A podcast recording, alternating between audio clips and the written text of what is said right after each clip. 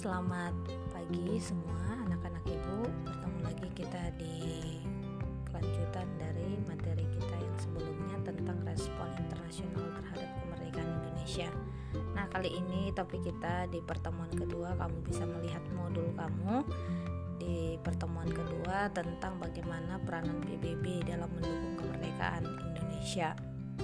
Nah, hubungan Indonesia dengan PBB itu sudah dimulai setelah India dan Australia mengajukan masalah Indonesia dan Belanda untuk dimasukkan dalam agenda Dewan Keamanan PBB pada tanggal 31 Juli 1947. Nah, usulan ini diterima pada tanggal 1 Agustus 1947 oleh Dewan Keamanan PBB dengan mengeluarkan resolusi yang mengajak kedua belah pihak untuk menghentikan agresi. Nah, hal ini bisa kita lihat di tanggal 14 Agustus 1947, Sultan Syahrir menyampaikan beberapa hal. Nah, pengajuan usulan agar Belanda menarik pasukan dari Indonesia. Menurutnya, perundingan akan sulit dilakukan jika salah satu pihak masih menghadapi eh, kepada pihak lainnya. Untuk mengakhiri berbagai pelanggaran ini dan menghentikan pertempuran, perlu dibentuk komisi pengawasan. Maka dengan demikian PBB ditunjukkan dengan beberapa hal seperti di tanggal 1 Agustus 1947 Dewan Keamanan PBB mengeluarkan resolusi yang mengajak kedua belah pihak untuk menghentikan agresi dan menyelesaikan pertikaian melalui arbitrase atau dengan cara damai. Nah, kemudian di tanggal 4 Agustus 1947, Dewan Keamanan PBB mengeluarkan perintah kepada Belanda dan Indonesia untuk menghentikan permusuhan di antara mereka dan aksi tembak menembak. Nah, kemudian di tanggal 7 Agustus, Dewan Keamanan PBB mulai membahas masalah Indonesia dan Belanda. Tepatnya di tanggal 25 Agustus, Dewan Keamanan PBB menerima usulan Amerika Serikat tentang pembentukan Komisi Jasa-Jasa Baik atau Committee of Good Office untuk membantu menyelesaikan pertikaian antara Indonesia dan Belanda. Nah, komisi inilah yang disebut dengan Komisi Tiga Negara atau KTN yang terdiri dari Australia yang diwakili oleh Richard C. Kirby. Nah, ini atas pilihan dari Indonesia. Sedangkan yang kedua itu ada Belgia yang diwakili oleh Paul Van Gilan ini dipilih oleh Belanda sendiri. Nah, kemudian ada Amerika Serikat yang diwakili oleh Frank Porter Graham. Nah, ini ada pilihan Australia dan Belgia sebagai penengah. Nah, kemudian di tanggal 28 Januari 1949, Dewan Keamanan PBB mengeluarkan resolusi.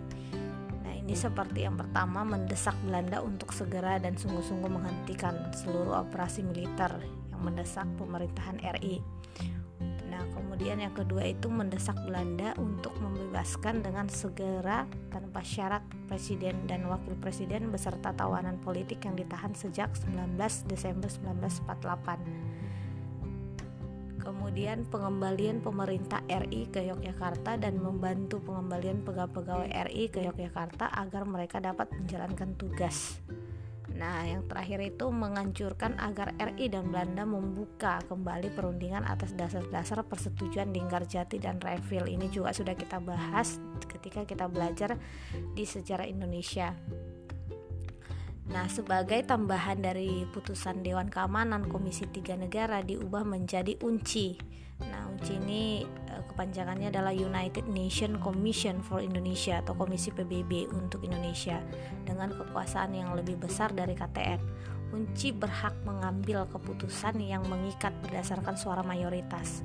Anggota UNCI terdiri dari Merle Cochran dari Amerika Serikat, Craig Clay dari Australia, dan Haremans dari Belgia. Nah, tugas unci ini adalah membantu melancarkan perundingan-perundingan untuk mengurus pengembalian kekuasaan pemerintahan republik untuk mengamati pemilihan dan berhak memajukan usulan-usulan mengenai berbagai hal yang dapat membantu tercapainya penyelesaian.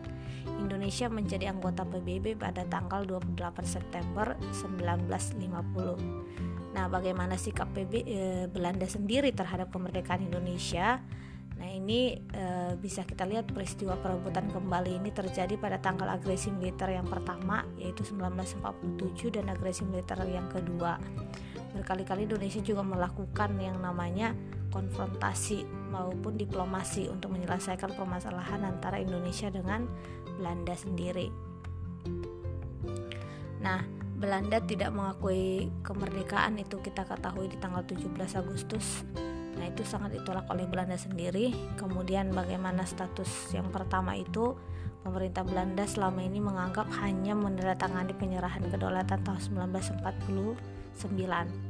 Nah, sedangkan pemerintahan Belanda belum atau tidak pernah secara resmi menyerahkan kedaulatan kepada pemerintahan RI, hanya diserahkan kepada Republik Indonesia Serikat. Kita sudah pahamin ketika kita sudah membahas itu di sejarah Indonesia.